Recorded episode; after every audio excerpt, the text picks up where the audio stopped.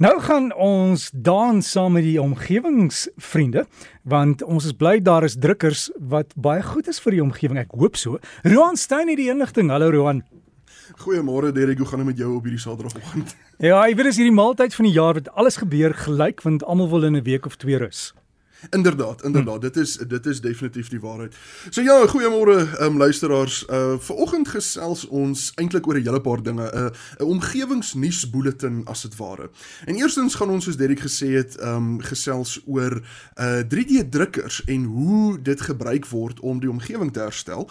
En dan tweedens gaan ons vlugtig gesels oor gister se kommerwekkende hofuitspraak aangaande die Weskus en dan eindig ons vandag se gesprek op 'n beter noot af en herinner ons luisteraars veral die in Kaapstad Kaapstad van die sonsverduistering wat vandag plaasvind. Maar eersins kom ons begin nou by die 3D drukkers wat deesdae gebruik word om koraalriwe weer op te bou. Nou Derek 3D drukkers word deesdae oral gebruik. Dit is 'n baie handige stukkie toerusting om in enige laboratorium te hê. Uh, by die Noordwes Universiteit weet ek van ten minste 3 verskillende 3D drukker laboratoriums waar tientalle drukkers gereed staan om enige part te druk wat jou hart begeer uit plastiek uit.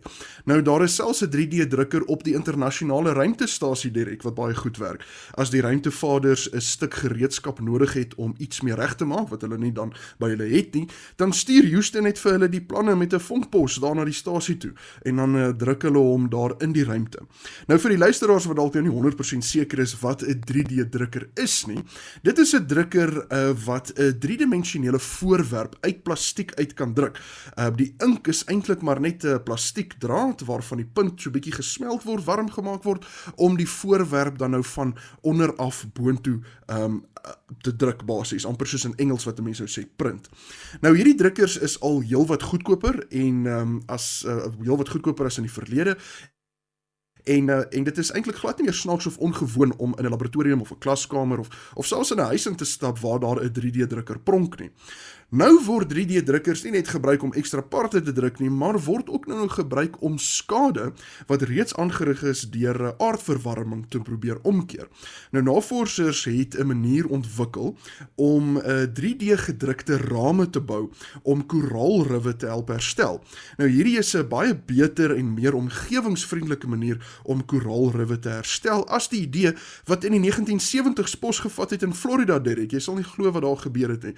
Ehm um, Daar wou hulle graag die koraalriwe help herstel en ehm um, het toe dit goed gedink om 2 miljoen motorbande op 'n hoop te gaan gooi in die see om 'n kunsmatige rif vir kunsmatige habitat vir die koraal en visse te skep. Nou, dit het uit die aard van die saak nou totaal en al die teenoorgestelde effek gehad. Ehm um, as gevolg van die woeste storms en siklone wat die kus van Florida tuister, het uh, meeste van die bande opgebreek in klein stukkies en gaan vassit op 'n koraalrif wat uh, niks makkeer het nie. So entjie verder. Nou daardie gesonde korale is toe vernietig deur die bande en uh, daar uh, en daar waar die bande oorspronklik gegooi is, het daar geen korale gevorm nie. Nou hulle moes al daardie bande uithaal wat 'n enorme operasie was. Maar nou is daar darm nou 'n beter idee. 'n Span van 'n universiteit in Saudi-Arabië gebruik nou 'n ekologiese, vriendelike en volhoubare ink om strukture te bou wat die korale sal help om vinniger en makliker te groei as wat tans gebruik word. Want ons moet onthou dat um, om strukture in die see te sit om korale te help um, groei is nou nie 'n nuwe idee nie. Ehm um, daar word verskillende goederes gebruik, maar nou uh, kan dit op 'n meer omgewings om, omgewingsvriendelike manier plaasvind en dit kan dalk vinniger en makliker plaasvind. Um, volgens die uh, persverklaring wat deur die navorsers uitgereik is. Nou ongelukkig as gevolg van klimaatsverandering is die oseane besig om warmer en warmer te word en dit is fataal vir korale wat uh, baie sensitief is vir temperatuur en dis is die koraalriwe reg oor die wêreld besig om minder en minder te word. En uh, daar is baie interessante dokumentêre wat al gepubliseer is wat juis hierdie probleem uitwys en aanspreek. En uh, ongelukkig die vernietiging van die korale het verrykende gevolge en lei tot die uitsterf van heelwat spesies wat afhanklik is spesifiek van die korale. Nou tans Derek word daar ehm um, betonblokke en metaalrame, selfs skoongemaakte karwrakke um gebruik om om die groei van korale um aan te help. Maar ongelukkig is dit 'n baie stadige proses. Uh, Byvoorbeeld korale deponeer hulle karbonaat skelet teen 'n tempo van um 'n paar millimeter per jaar maar. Uh, nou die navorsers van hierdie studie beweer dat die materiaal waarmee hulle die koraalrame druk, het 'n uh, klaar 'n kalsiumkarbonaat oppervlak waarop die koraal dadelik kan begin groei. Baie vinniger want die koraal hoef nie eers 'n kalksteenstruktuur te bou waarop hy dan nou moet uh, groei nie. Dis stel hierdie 3D gedrukte koraalrame of vorms ons nou in staat om uh, vir redelik goedkoop 'n groot skaal omgewingsvriendelike hulp te bied aan koraalriwe wat ongelukkig teen 'n groot tempo besig is om vernietig te word. Nou hierdie proses gee die koraal 'n hupstoot as dit ware om aan die gang te kom om uh, weer terug te groei. Nou die ink wat hulle gebruik staan bekend as 'n kalsiumkarbonaat fotogeïnsinieerde um, ink wat uh, veilig is om te gebruik in water ehm um, uh, in, in in teenstand met die bande wat in 1970s gebruik word uh, was en um, en so so daar blyk werklik asof daar nou slim tegnologie en hulpmiddels is om koraalriwe te probeer herstel. Nou die tweede ding waar ons kan gesels net vlugtig Derrick is die teleers uh, die baie teleurstellende hofuitspraak van gister. Ehm um, dis nou Vrydag 3 Desember waar 'n uh, olie en brandstofmaatskappy weer eens die groen lig gegee is om toetse langs die Weskus te doen om vir gas en olie te soek.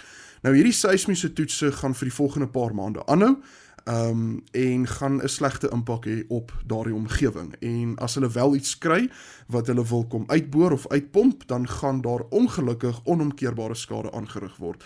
En uh, ek gaan nie nou in die details ingaan van die projek nie.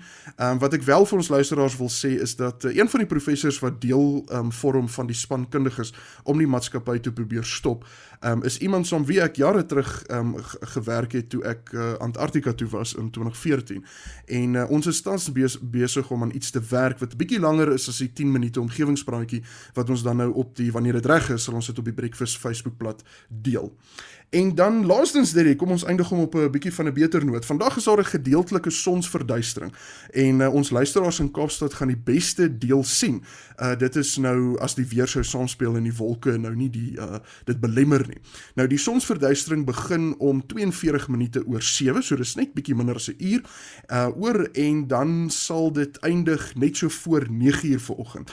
Nou ongelukkig is dit nou net 12%, dis nou 'n gedeeltelike sonsverduistering, so dis net 12% van die maan wat tussen ons in die son inbeweeg. Ehm um, as jy nou in Kaapstad is, die volle verduistering word in Antarktika gesien. En dan uh, asseblief luisteraars, ek weet dit uh, soos hulle in Engels sê, it goes without saying but it needs to be said. Moet asseblief nooit direk na die son kyk nie. Gebruik altyd 'n verduisteringsbril of 'n sonfilter of 'n swyshelm as jy niks anders het nie. En ehm um, Derek, dit is dan nou die omgewingspraatjie vir hierdie week en 'n heerlike naweek vir jou. Dankie ja, ons moet mooi kyk na die die son en Ron, jy moet ook goed bly daar en ek weet is nat daar by julle, maar uh, hy het vir my gesê sy hond het vroeër by hom in die bed kom kry bang vir die weer en hy het nie 'n klein hond nie. So ja, is maar hoe dit is nê. En hy het ook vir my gesê hy het nie aangetrek vanoggend vir die uitsending om te lê in die bed en praat met ons. Geen probleem nie. Dis daai tyd van die jaar en te sê hy vir my Derek, jy's seker mooi aangetrek. Sê ek, hoe weet jy ek sit nie hier in my pantoffels en pyjamas pyjamas in die ateljee nie. Jy kan my nie sien nie. So dalk, né? Want daar's niemand in die gebou nie. Dis mos doodstil naweke. In elk geval, as jy vir Roan wil kontak, jy kan hom e-pos om gee wing by rsg.co.za en hy plaas ook vir ons al die inligting en ek dink hy sal ook seker oor die sonsverduistering op die breakfast Facebookblad 'n uh, nota plaas en dan kan jy dit daar gaan kry. En dan nou ons die omgewing mooi en die koraalribbe